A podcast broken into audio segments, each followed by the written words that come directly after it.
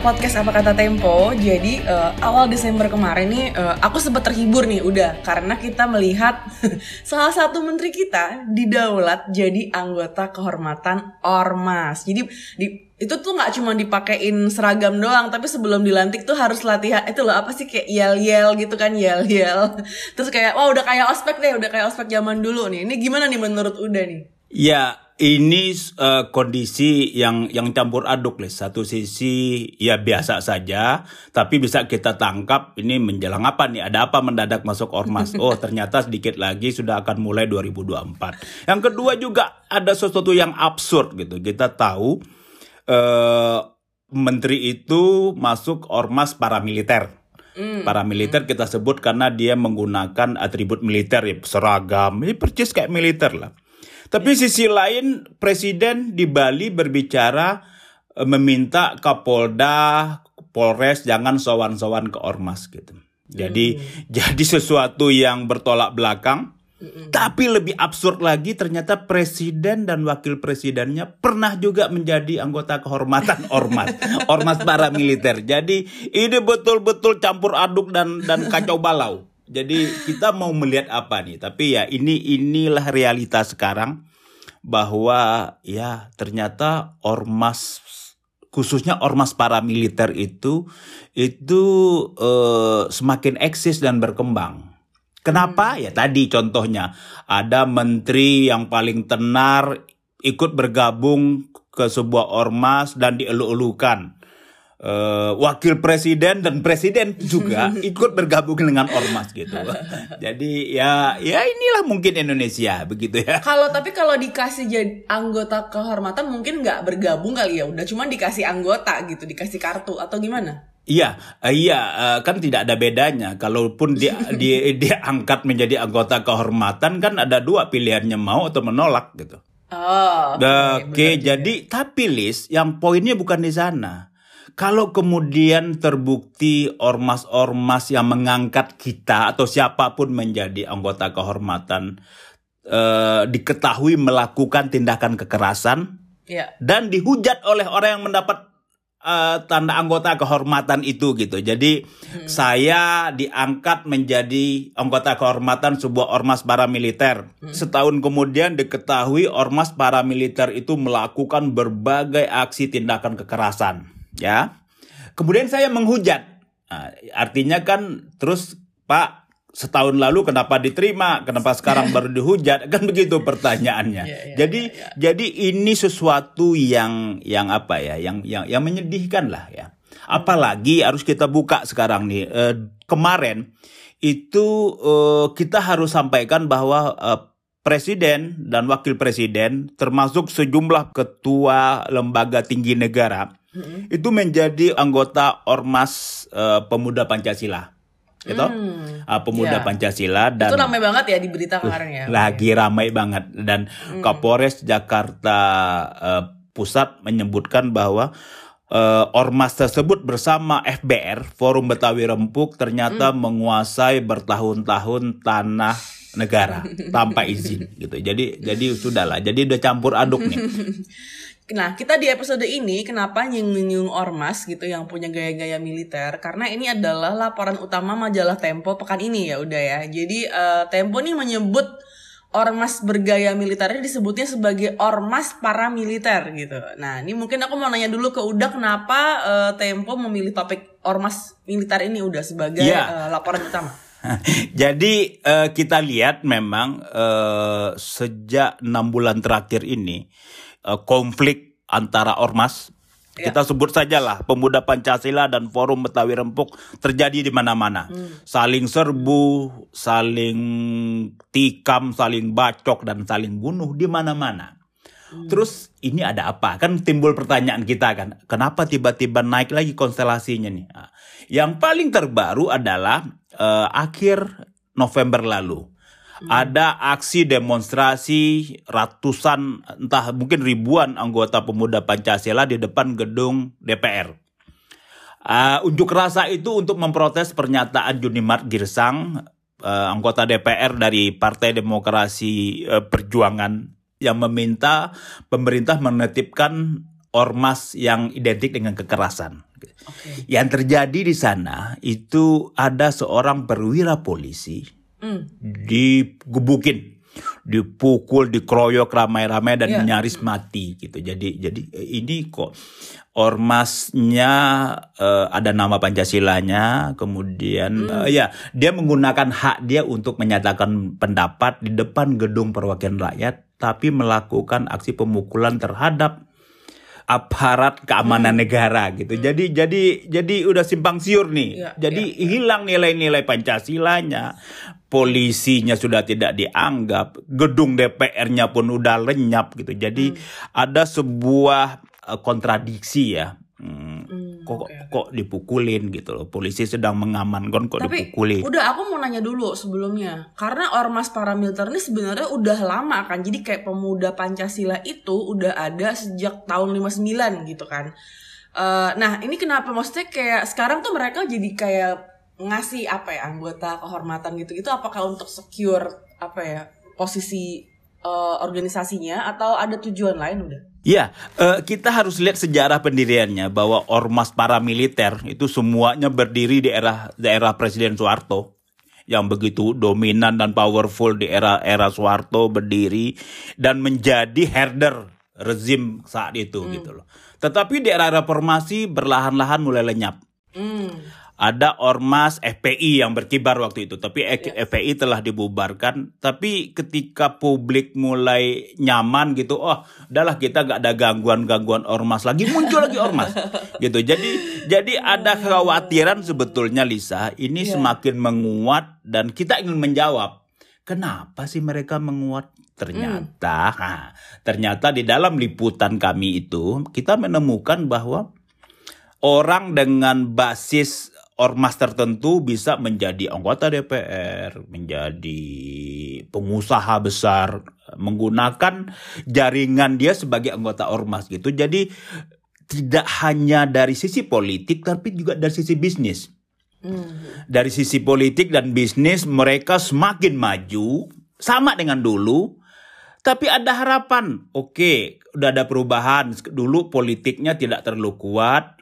Yang kentat adalah kekerasan. Jangan mudah-mudahan kekerasannya hilang. Tapi ternyata tidak. Politiknya kuat, bisnisnya meroket, kekerasannya masih bertahan. Nah, inilah yang menjadi ciri-ciri ormas paramiliter saat ini. Hmm. Eh, nah, menurut Tempo nih di era sekarang ini nih, kenapa kenapa si ormasnya ini tuh bisa langgeng, gitu? maksudnya bisa menguat lagi gitu? Udah karena kan eh, tadi yang udah bilang sebenarnya nih kita merasa eh, masyarakat juga ngerasa udah nih kita udah tenang, udah aman, udah nggak udah nggak butuh lah ya ada udah eh, ada ormas-ormas ini gitu.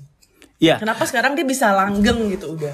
Ya, eh, Ian Wilson, jadi peneliti dari Iya. Murdoch University, Liz, itu orang Australia sudah ya? men- ya Australia sudah melakukan riset panjang Hmm. dan dia sampai ke sebuah kesimpulan bahwa eh, tindakan kekerasan dan premanisme yang dilakukan oleh ormas paramiliter Hmm. khususnya dia menyebut pemuda Pancasila bakal terus langgeng karena mereka menyokong kepentingan penguasa dan pemerintah. Hmm. Jadi jadi poinnya di pemerintah.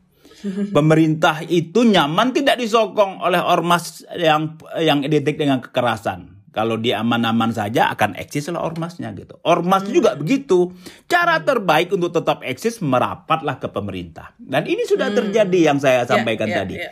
Bahwa di DPR itu ada ada ada puluhan loh puluhan belum DPRD tingkat satu tingkat dua belum ada belum juga eh, kepala daerah gitu. Jadi jadi begitu mengakar dan menguat. Jadi Ya, fenomena ini yang membuat kita menulis. Dalam konteks mereka itu kan poinnya pembubaran kan basisnya adalah keputusan pemerintah melalui pengadilan ya.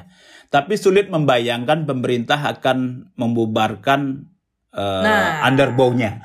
Orang yang Hmm. mendukungnya. Ah, Iya, gitu. iya, jadi iya, iya, iya.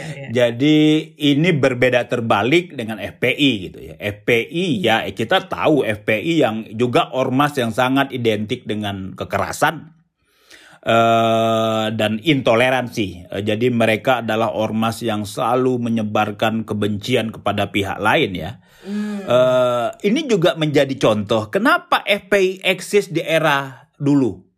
Karena dia mensupport pemerintah sekarang tidak mensupport karena itu selesai gitu. Jadi ini rasanya ini basis kami dalam uh, bersikap juga bahwa poinnya ada pemerintah.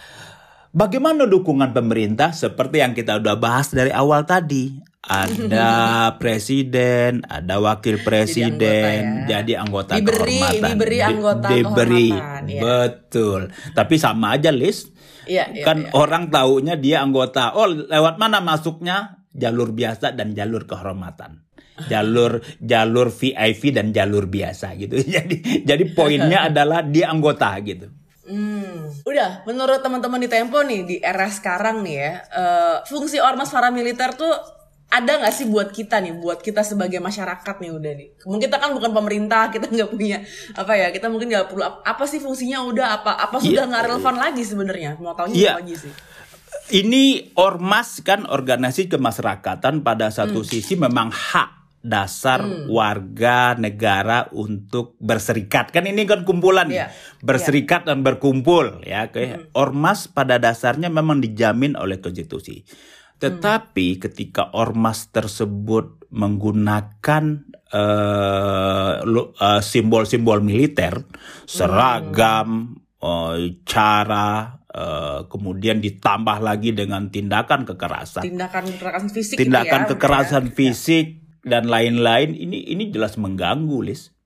Kita tidak bisa bayangkan bahwa kalau mereka seluruh orang uh, bisa menggunakan uh, simbol militer, nanti orang jadi bingung. Ini yang tentara ini ormas atau TNI, yang polisi ini ormas atau sama-sama seragam nih. iya, karena karena tinggal bikin seragam dan dan mengumpulkan orang banyak dengan sangat mudah kan. Jadi sama gitu, tinggal bedanya satu pegang senjata, satu mungkin tidak. Tapi kalau mereka pegang senjata juga ya sama-sama. Jadi jadi harusnya ada ada aturan soal pem, pemakaian simbol-simbol militer okay, gitu. Okay. Tidak semua orang bebas memakai simbol-simbol militer, seragam, baret dan lain-lain. Ini okay. ini men, ini membuat publik menjadi bertanya-tanya. Mm-hmm. Kalau ormas boleh pakai simbol militer, terus buat apa militernya?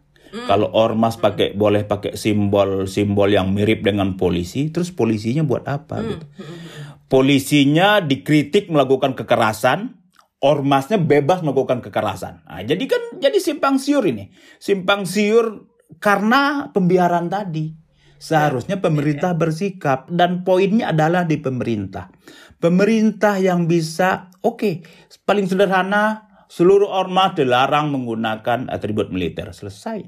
Atribut biasa aja karena dia orang Jadi sipil bukannya kok. melarang untuk berorganisasi ya udah. Itu yang Poi, yang betul. penting di sini ya. Iya, jadi bicara ormas banyak ormas juga. Hmm. Ada lembaga pendidikan juga termasuk ormas gitu. NU Muhammadiyah juga ormas ya, gitu. Betul. Jadi jadi kita tidak boleh juga pukul rata. Yang yang yang dalam opini kita ini adalah ormas yang bergaya preman tapi berseragam. Ah, para gitu. militer jadi ya disebutnya para di, militer. Uh, editorial Tempo ya. Betul betul. Jadi jadi ini sebetulnya yang harus jadi perhatian lah. Janganlah kita kita, kita tuh sudah punya institusi uh, aparat keamanan, udah punya TNI, sudah biarlah urus-urusan untuk mengamankan, untuk menjaga keamanan negara titipan diserahkan ke mereka. Jangan pula sipil dilibat-libatkan karena apa? Karena ini ormas yang yang tidak ada, yang kita pernah tidak tahu seperti apa aturan di dalamnya. Suka-suka mereka aja jangan-jangan. Ya, Siapa ya, yang ya. bisa memberi pertanggungjawaban kalau mereka aneh-aneh di di dalam praktek di lapangan gitu. Oleh karena itu harus di, dibatasi dan diawasi. Tidak bisa dilepas begitu saja. Nah, jadi kalau disuruh milih nih udah mendingan kita ada hansip atau ada ormas paramiliter? Hansip sudah jelas fungsinya. Oh, Pertahanan okay. sipil menjaga keamanan ronda malam-malam. Ormas ini apa? Ormas ini kebanyakan oh. menjaga tanah sengketa, menguasai hmm. tanah bukan milik kita. Ya itu ormas para militer kan itu faktanya. Dan tadi yang disampaikan oleh Kapolres Jakarta Pusat bahwa ada dua ormas paramiliter yang sudah menguasai tanah negara dari BLBI. Jadi ada uh, aset yang diserahkan para obligor BLBI ke negara yang seharusnya dikuasai oleh negara, dikuasai oleh ormas itu bertahun-tahun itu. Beda banget. Hmm. Kalau kalau perlu hansip diperbanyak ormasnya, oh, boleh okay. tetap ormas paramiliter kalian boleh tetap eksis tapi stop menggunakan atribut militer. Oke, itu yang penting ya menggunakan stop menggunakan uh, atribut militer. Oke, jangan lupa dibaca laporan lebih detailnya tentang ormas paramiliter ini uh, bisa dengan mengunduh aplikasi Tempo ya, udah ya baca ya, di, uh, laporan di majalahnya gitu. Oke, terima kasih banget sudah mendengarkan sampai akhir. Nanti kita akan ngobrol-ngobrol lagi minggu depan. Kayaknya ada yang spesial ya minggu depan ya, udah ya. iya, kita kita akan kasih surprise list. ada Silakan surprise akhir tahun biar semua teman-teman relax menjelang libur uh, akhir tahun. Eh nggak libur ya kita ya? Nggak ada libur. Nggak ada Dilarang. libur. Oke, terima kasih teman-teman sudah mendengarkan. Kita jumpa lagi minggu depan. Dadah.